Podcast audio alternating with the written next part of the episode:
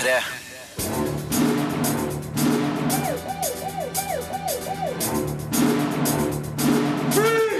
Filmpolitiet!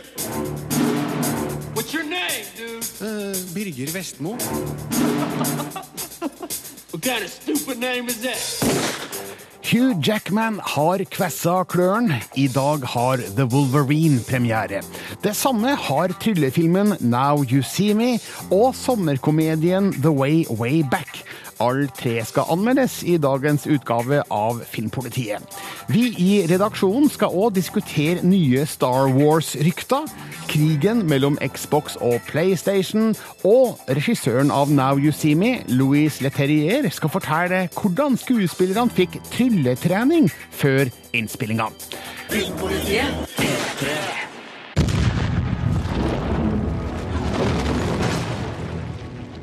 an honor to meet the Wolverine. That's not who I am anymore. Wolverine er etter min og manges mening den klart kuleste figuren i X-Men-universet. Bakgrunnen hans ble utforska i X-Men Origins i 2009, men han fortjener enda en film på egen hånd. The Wolverine har mye av det man måtte ønske av knokeknivkamper og annen stilig action, men jeg føler at historien kun og burde vært sterkere. Omstendighetene virker litt små i X-Men-sammenheng, og Logan-Wolverines interaksjon med andre figurer er overfladisk og har ikke nok dramatisk slagkraft. Men Hugh Jackman har stålkontroll på sin Wolverine og er alene grunn god nok til å se filmen.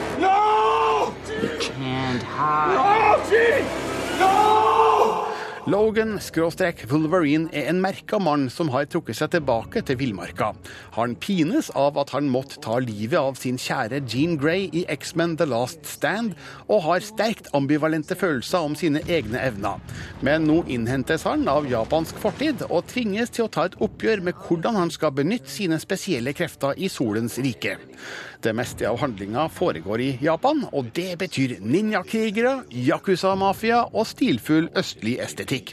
Vi møter òg Yashida, spilt av Hal Yamanouchi, en gammel og mektig mann som i sin ungdom ble redda av Logan, noe vi ser i en spektakulær og eksplosiv åpningssekvens. Nå har han en siste tjeneste å be om, nemlig Wolverines udødelighet. Men familien trues av intern strid, og Logan må redde Yashidas barnebarn Mariko, spilt av Tao Okamoto, fra farlige krefter. Filmen bruker god tid på å bygge opp den intrikate handlinga som involverer flere figurer enn dem jeg har nevnt. Our company can do anything. I can make you mortal. Av og til syns jeg det blir litt mye prat, men actionscenene kommer heldigvis med jevne mellomrom og er dyktig filma og redigert. Spesielt imponerer jeg seg av en sekvens der Logan møter et dusin ninjaer med pil og bue, en jaktscene på et hurtigtog, samt den før nevnte åpningssekvensen som er direkte eksplosiv. Det er òg denne gangen åpenbart at filmen har sikta mot den amerikanske aldersgrensa PG-13, altså 13-årsgrense. Vi får fremdeles ikke se hva Wolverines knokekniver faktisk kan forårsake av skader, men det gjør ikke så mye. Voldsestetikken er likevel såpass hard og effektiv at filmen fikk 15-årsgrense her i Norge, noe jeg er enig i. Det her er for tøft for 11-åringer. Dramatikken i historien blir aldri den helt store. Familiestriden i Yashida-familien er kun et overfladisk redskap for dramatikken rundt Logan, og hans forhold til Mariko er litt for kort og kaldt til at jeg tror på romantikken. Men Hugh Jackman spiller såpass godt og kontrollert at det er enkelt å tro på Logans kamp mot sine egne demoner. Han er fremdeles en forrykende figur, og når han lar sine krefter slippe løs, er det som oftest litt av et syn. The Wolverine bør derfor være et selvfølgelig filmvalg for superheltfans. Og én ting til slutt. Bli sittende når rulleteksten starter for en kul bonus. Dette er Filmpolitiet på P3. Filmpolitiet presenterer To av Jean-Claude van Dams tidlige filmer skal spilles inn på nytt. Bloodsport var hans gjennombrudd i 1988, mens Kickboxer bekrefta hans gryende kampsportstjernestatus året etter. Bloodsport handla om en amerikaners opplevelser under en undergrunnsturnering i Hongkong. Den nye versjonen flytter handlinga til Brasil, der leiesoldater kommer i kontakt med et miljø rundt kampsportvarianten Valitudu, som betyr noe lignende som alt er lov. Den nye Bloodsport skal regisseres av James McTeague, mannen bak V for Vendetta. Kickbokser handla om en mann som deltar i en Muay Thai-turnering for å hevne sin bror. Ny, Nyinnspillinga får etter all sannsynlighet en like enkel historie, og skal lages av Hongkong-regissøren Stephen Fung. Det er uvisst om Jean-Claude van Damme skal ha noe med de her filmene å gjøre. Salget av boka The Cuckoo's Calling tok av da det ble kjent at eh, Robert eh, Galbraith var et pseudonym for JK Rowling. Nå er òg flere filmstudioer plutselig interessert i å skaffe seg filmrettighetene. Nettstedet Deadline hevder at minst ett filmstudio takka nei til et tilbud før Rowling ble avslørt som forfatteren. Nå er flere med i kampen om rettighetene, og Deadline mener å vite at Warner Bros ligger best an, siden de produserte Harry Potter-filmene. The Cuckoo's Calling handler om en enbeint privatdetektiv som etterforsker en supermodells død og dras inn i et helt spesielt miljø. Den klassiske historien om doktor Viktor Frankenstein og hans kreasjon Igor skal fortelles på nytt. Filmen skal regisseres av Paul McGugan, mens eh, Max Landis skal ha skrevet en radikalt annerledes versjon av Mary Shelleys roman. Og nå er de viktigste skuespillerne på plass. Fra før har det vært kjent at Daniel Radcliffe, kjent fra Harry Potter-filmene, skal spille Igor, altså skapningen. Nå er det klart at Dr. Frankenstein himself skal spilles av James McAvoy, kjent fra Band of Brothers, Narnia, Wanted og X-Men First Class. Les mer om den nye Frankenstein-filmen og den andre nye Frankenstein-filmen som også er på vei, på p3.no filmpolitiet. Og nå er også Rune Haakonsen og Andreas Hatzel Opsvik her. Hei, God dag, god dag. God fredag. Hei og hei og. Ja, du, eh, jeg var jo inne på det i stad. Vi skal snakke om Star Wars. Eh, bare én ting her nå først. Eh, skal vi se. Stemningsskapende. Ja, der, vet du. Der kommer det. stormtrooper. Huh? Oh, uniform. I'm Luke Skywalker. I'm here to rescue you. Yes! En klassiker der, bare for å sette stemninga. Altså, jeg tenker jo at neste Star Wars kan jo aldri bli så bra som dette. Altså, Men what vet- are the odds? Men så vet vi jo at Mark Hamill, uh, Carrie Fisher og, og Han Solo, holdt jeg på å si, Harrison Ford, de skal jo være med i disse nye filmene. da, så det, det er, det, jeg, jeg øyner et håp. Men hvem som skal være med i uh, neste Star Wars uh, er jo et hett tema, og denne uka kom nettstedet Latino Review med um, en påstand om at Ryan Gosling og Zac Efron er aktuelle i uh, nye Star Wars-roller. Wow. Nå er vel Latino Review et nettsted som av og til treffer blink med sine scoops, og av og til ikke. Så eh, hvor stor tro har du på det her, Andreas? Vel, det hadde jo vært interessant, i det minste. Det, det må jeg få lov til å si. Men uh, i hvert fall uh, Ryan Gosling har vel blitt eh, skrevet ut, så det stemmer i hvert fall ikke. Nei, nå har Huffington Post vært i kontakt med hans representanter, sannsynligvis agent eller noe sånt, som avkrefter at Gosling er aktuell. Mens Zac Efron han eh, har vi ikke hørt verken fra eller til om enda. Og Rune, jeg vet du er litt skeptisk. Jeg, jeg, jeg vet ikke om det er bare er meg, men jeg har et problem med, med måten han spiller på. Det er veldig vanskelig for meg å, å koble meg til de figurene han mm, portretterer på lerretet. da. Så det, så jeg, jeg, merker at det, altså, jeg, jeg tror ikke han passer inn i en Star Wars-setting, rett og slett. Er det bare jeg som liker Zac Efron? Er jeg sjuk? Det, det er ikke noe galt med Zac Efron, men vi, vi må huske at Ryan Gosling for ti år siden spilte jo litt sånn den typen uh, ungpike-hjertesmelteroller som Zac Efron òg kanskje er best kjent for. Ja, for de er jo begge Disney-gutter, altså som har spilt, vært barnestjerner for Disney, spilt i serier og ting som de har laga fra, liten- fra barnsben av. Så at, eh, ja, ok, det, det er, jo, er jo kanskje noe hold i det her, men, men Gosling er jo også helt ute av bildet, og det tenker jeg også er like greit, altså. Men det er kanskje fordi de er Disney-gutter at de har eh, kommet opp her nå, fordi det er jo Disney som har styringa her nå på Star Wars. Ja, eh, men vi vet jo heller fortsatt ikke noe om hvilken retning historien vil ta. Så på en måte disse ryktene da, som tilsa at eh, Ryan Gosling da skulle være sønn til Luke Skywalker osv. Altså, vi vet jo ikke om det kommer til å være tilfellet heller. Altså, Kan historien ta retningen at eh, Luke Skywalker skal ha en sønn? Så finnes det jo annen offisiell litteratur hvor eh, Leia får tvillinger, mens Luke er den siste Jedi-ridderen osv. Så videre, sånn det er jo vanskelig å vite vite nøyaktig hva disse ryktene betyr. Og eh, Latino Review, som kom med disse ryktene i utgangspunktet, er jo ikke akkurat altså sånn, De har tatt feil flere ganger enn de har hatt rett. Men akkurat nå pågår det noe stort i Essen i Tyskland, nemlig Star Wars Celebration. En eh, gigantisk konferanse med ja, jeg vet ikke hvor mange Star Wars-fans som eh, samles dit, men det er et betydelig antall i hvert fall. Og det pågår hele helga med alle slags mulige paneldebatter og workshops, og det er selvfølgelig da visninger av Star Wars-filmer. I kveld skal Return of the Jedi vises utendørs under stjernene. bare, så, bare så synd at det er meldt drittvær i Essen i Tyskland i dag. Men nå er det veldig mange som forventer at det skal avsløres noe under eh, denne Star Wars eh, Celebration. Ja, og, og det som er litt fascinerende her, er at denne festivalen skal jo på en måte hylle Star Wars, men det er jo på et litt sånn, skal vi si, kritisk punkt da i Star Wars-historien, nå som de da snart skal gå i gang med produksjon av den nye. Det interessante er at JJ Abrams er ikke på den offisielle lista over besøkende, altså som skal si noe eller mene noe på denne messa, eh, eller Star Wars-festivalen, Ja, som vi kan ja. kalle det. Så at jeg driver og liksom kjenner på en sånn greie at Kanskje han bare har sagt at "Eh, ikke si at jeg kommer, da, men jeg kommer likevel. Og jeg har en overraskelse! Ja, jeg tenker nå, nå i kveld så skal Ian McDiarmid uh, ha en eh, ja, panel... Det er kanskje ikke en debatt, men han skal, han skal i hvert fall møte publikum uh, en times tid i kveld. Og han spiller altså da Palpatine, uh, den onde keiseren, i de tidligere filmene. Det hadde jo vært morsomt hvis han hadde dratt med seg noen flere ut på den scenen, Andreas? Hvis det plutselig hadde vært et par, eh, et par kjente ansikter til der, som alle hadde sagt hei, vi er tilbake, og vi skal alle spille pensjonister, så hadde det jo Det hadde i hvert fall eh, blitt en, en pangstart, da, tenker jeg, på, på de kommende filmene. I andre Star Wars-nyheter denne uka så har vi jo eh, hørt at eh, Moss Espa, filmsettet til Moss Espa, er i ferd med å eh, bli begravd i sand, fordi sand har det med å blåse litt rundt seg litt, ja. og flytte på seg.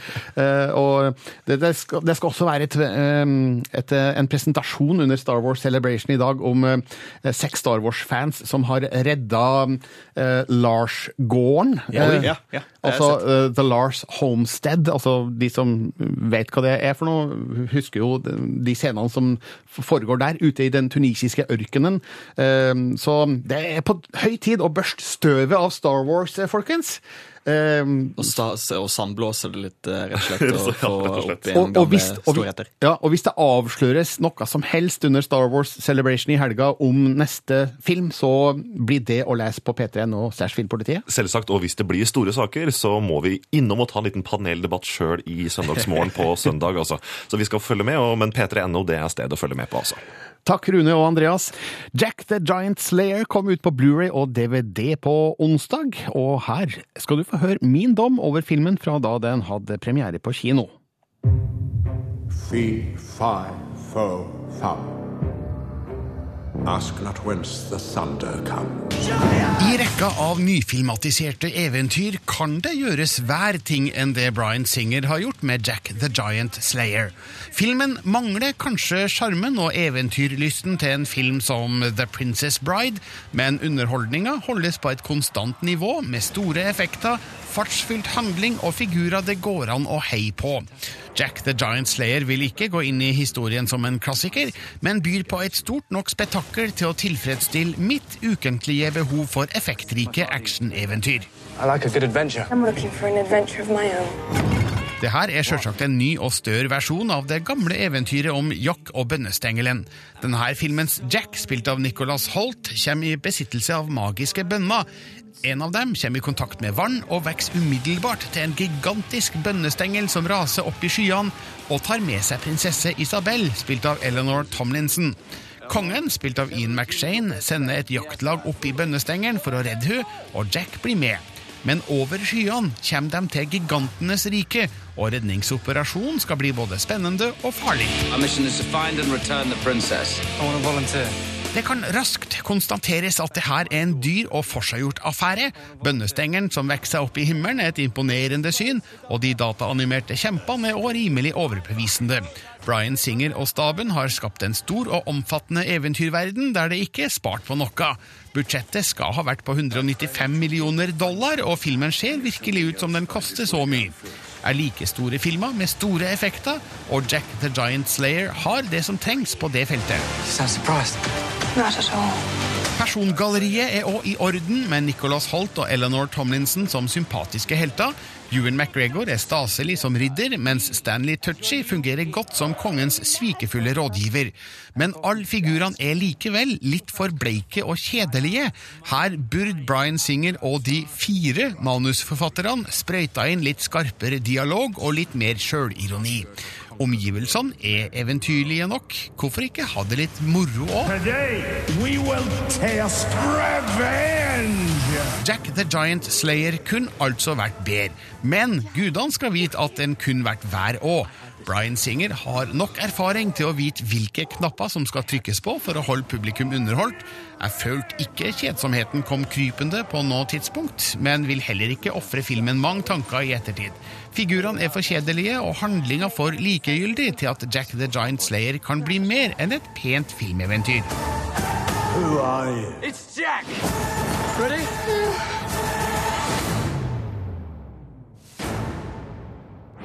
Dette er Filmpolitiet på P3. Come in closer. Because the more you think you see, the easier it'll be to fool you. Now You See Me starter med en stemme som ber deg komme tettere innpå. Ideen er at jo nærmere du ser, jo grundigere blir du lurt. Men jeg føler meg lurt, og det var nok ikke meninga. Filmen er en serie dårlig kamuflerte billigtriks, der det meste av logisk tankegang er forkasta, til fordel for håpløst sprikende troverdighet. Regissør Louis Leterrier forsøker å dekke over det med røyk og speil, smoke and mirrors, og gjør at filmen likevel har en viss underholdningsverdi. Men all verdens filmtriks kan ikke skjule at historien som utspiller seg, er komplett umulig.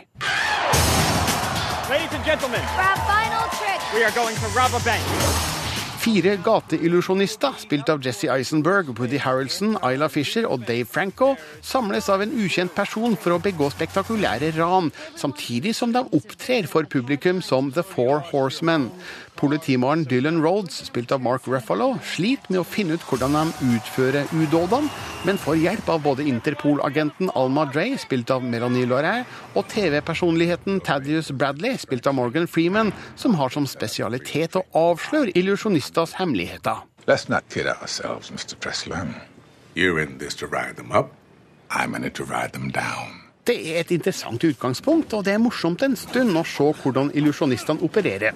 Regissør Leterrier holder farta oppe, så man ikke rekker å kjede seg. Men så begynner jeg å se nærmere på filmen, akkurat som jeg blir bedt om. Og jeg oppdager at historien er hinsides all troverdighet.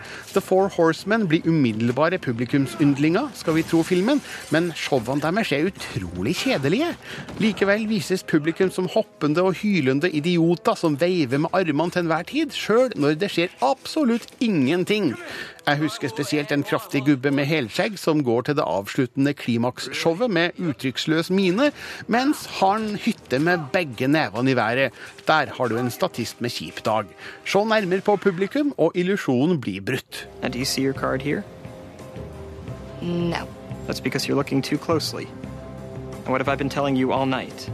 The closer you look, the less you see. Dessuten må The Four Horsemen nødvendigvis ha et stort apparat rundt seg for å gjennomføre både show og forbrytelser, men nei da, det er bare de fire. Hvem styrer lys og lyd? Hvem ordner rekvisittene? Hva med vakthold? Catering? En inspisient som kan rope klar scene? Sånt trenger man tydeligvis ikke når man er illusjonist. The Four Horsemen tar alt på sparket. Det her er kanskje flisespikkeri og å ta filmen for seriøst, men det er jo filmen sjøl som ber meg ta et nærmere blikk. You have a very good eye, sir. Thanks. Now You See Me lir òg av filmatisk ADHD. Den kan simpelthen ikke sitte stille. Se f.eks. The Four Horsemens åpningsshow, der kameraet flyr rundt og rundt i salen til jeg nesten føler meg svimmel og kvalm. Leterrier overdriver all bevegelser som om han forsøker å skape synsinntrykk som lammer resten av hjernen, slik at du ikke får ro til å tenke over det du faktisk ser. En stund holder det til at jeg lar meg underholde av det som skjer, men det tar fort slutt når jeg gjør som filmen ber meg om. Du bør ikke komme særlig tett på om du skal ha en fin filmkveld med Now You See Me. First rule of magic always be the smartest guy in the room. Dette er Filmpolitiet på P3. Nå skal vi tilbake til filmen eh, som har premiere i dag, Now You See Me, der vi møter en rekke rasende, flinke eh, tryllekunstnere, rett og slett. Og Andreas Hatzel Opsvik, eh, du har snakka med regissøren Louise Leterrier. Ja, eh, og jeg tok en prat med han eh, eh, litt om forberedelsene til filmen, da, til Now You See Me. Og det viser at skuespillerne de arbeider ganske hardt for å være overbevisende som det her tryllende mesterhjernen. They were they were you know very hardworking. They you know we had uh, magic consultants. You know one magician cannot really train you know every actor for everything, so we had different people helping us. And then the actors they worked for, you know, we, we knew we were making a movie until they came to set. So like maybe three months, they had time to really practice. And then you know, throughout the the, the movie, uh, they were practicing for the, the upcoming shows and everything. So it, you know, it's funny.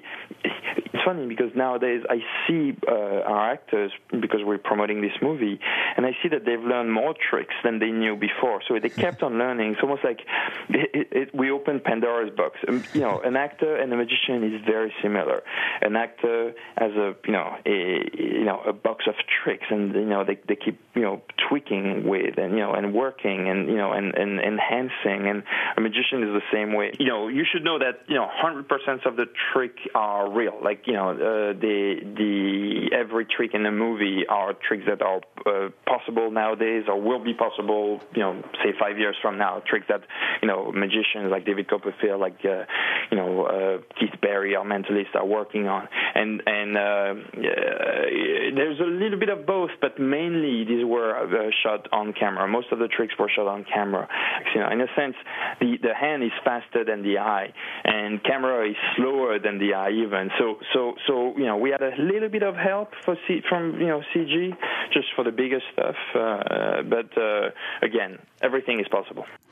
Alt er mulig, enten nå eller om fem år, eh, sier Louis Leterrier om de magiske triksa vi ser i Now You See Me.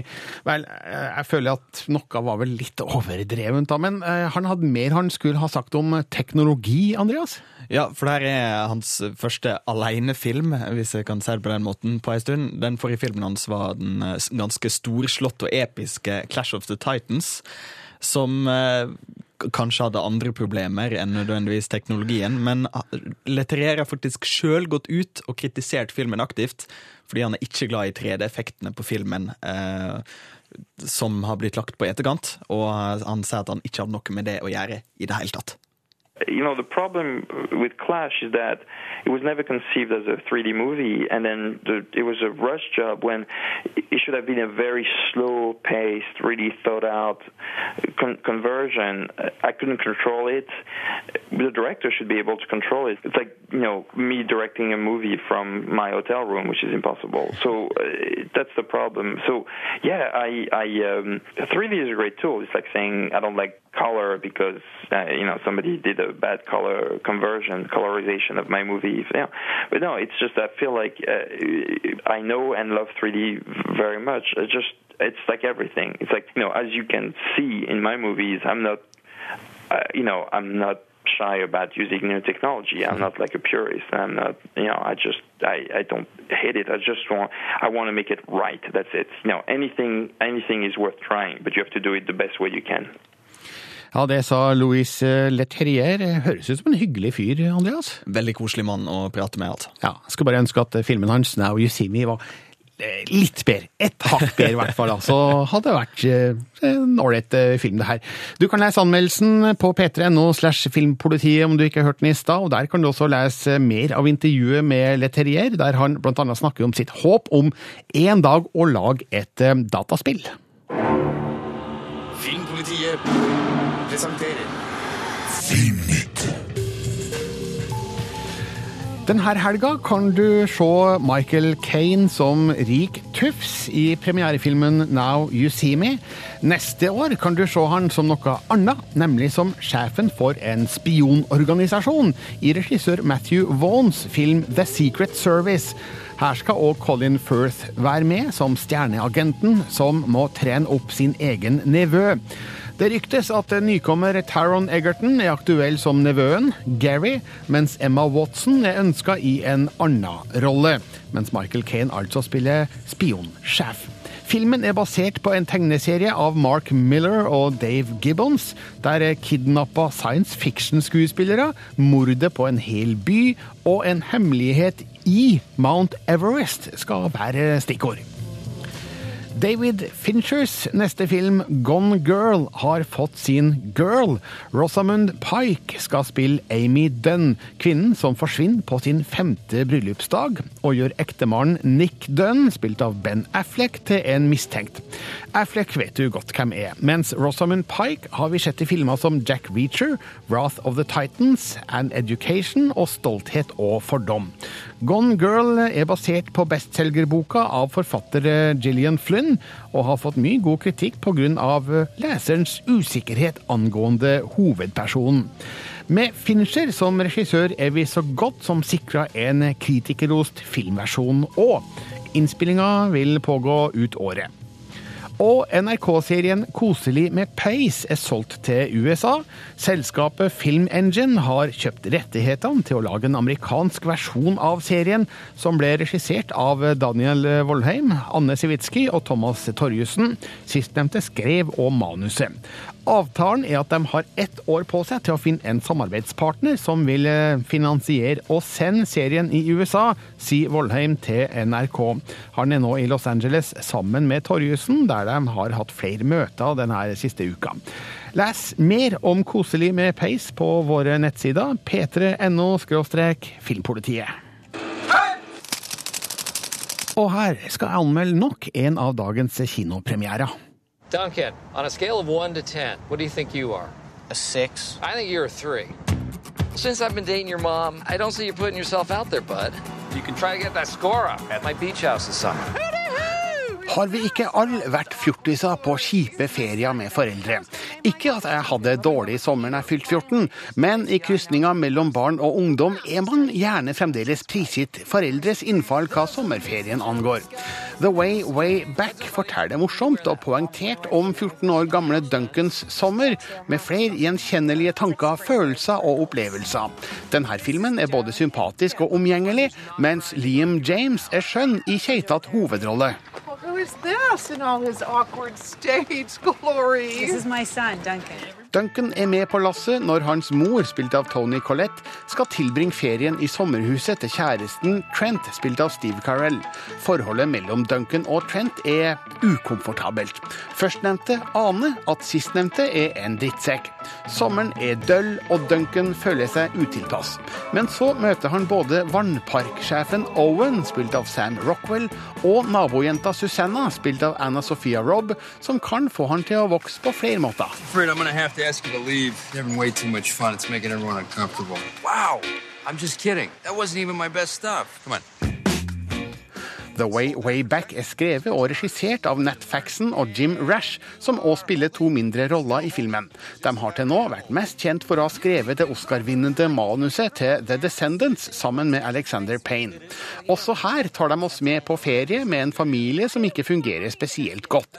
De skildrer familiedynamikk som mange kan kjenne seg igjen i, samtidig som dialogen er full av humor som veksler mellom å være lun og bitende. Noen av morsomhetene virker litt malplasserte, men overdrives heldigvis ikke.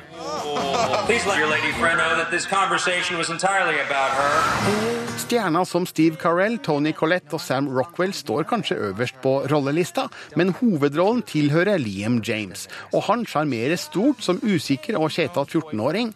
Det busta håret er kanskje litt for velfrisert og kalkulert, men alt under manken minner mistenkelig om meg sjøl og mange andre gutter på den alderen. Hver er det med Sam Rockwell, som er en habil skuespiller, men som her er utstyrt med en figur som man ikke tror mye på. Owen er for høyrøsta og hyperaktiv til å være sann, og det er lite som forklarer hvorfor han skulle fatt interesse for Duncan i første omgang. Heldigvis roer Rockwell noe ned senere i filmen, og redder figuren sin på den måten. Lewis!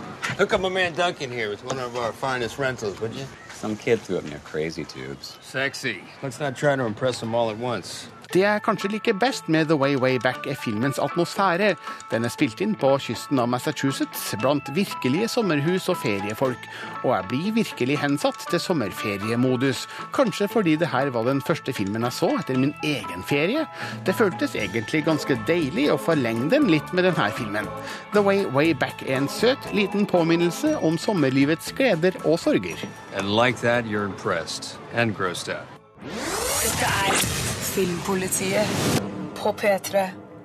Konsollkrigen mellom Xbox One og PlayStation 4 den eskalerer stadig, og her er det spesielt Xbox og Microsoft som forsøker å hente seg inn etter en PR-katastrofe på messa E3, Rune? Ja, der var da den tidligere Xbox-sjefen Don Matrick til stede og skulle da vise med brask og bram fram den nye konsollen, men han gikk på flere eh, smeller, bl.a. med tanke på kopibeskyttelse, såkalt DRM-problematikk, og det at du alltid måtte være kobla til nett. Og det her utnytta Sony til det fulle, noe som gjorde at eh, rett og slett Microsoft gikk på en smell, fikk en massiv negativ reaksjon tilbake, og nå så driver de og gjør om på alle disse tingene og prøver å redde seg inn igjen. Ja, for nå er det store penger i fare for Microsoft. Eh, Andreas, eh, hva er det, hva er det Xbox prøver på nå?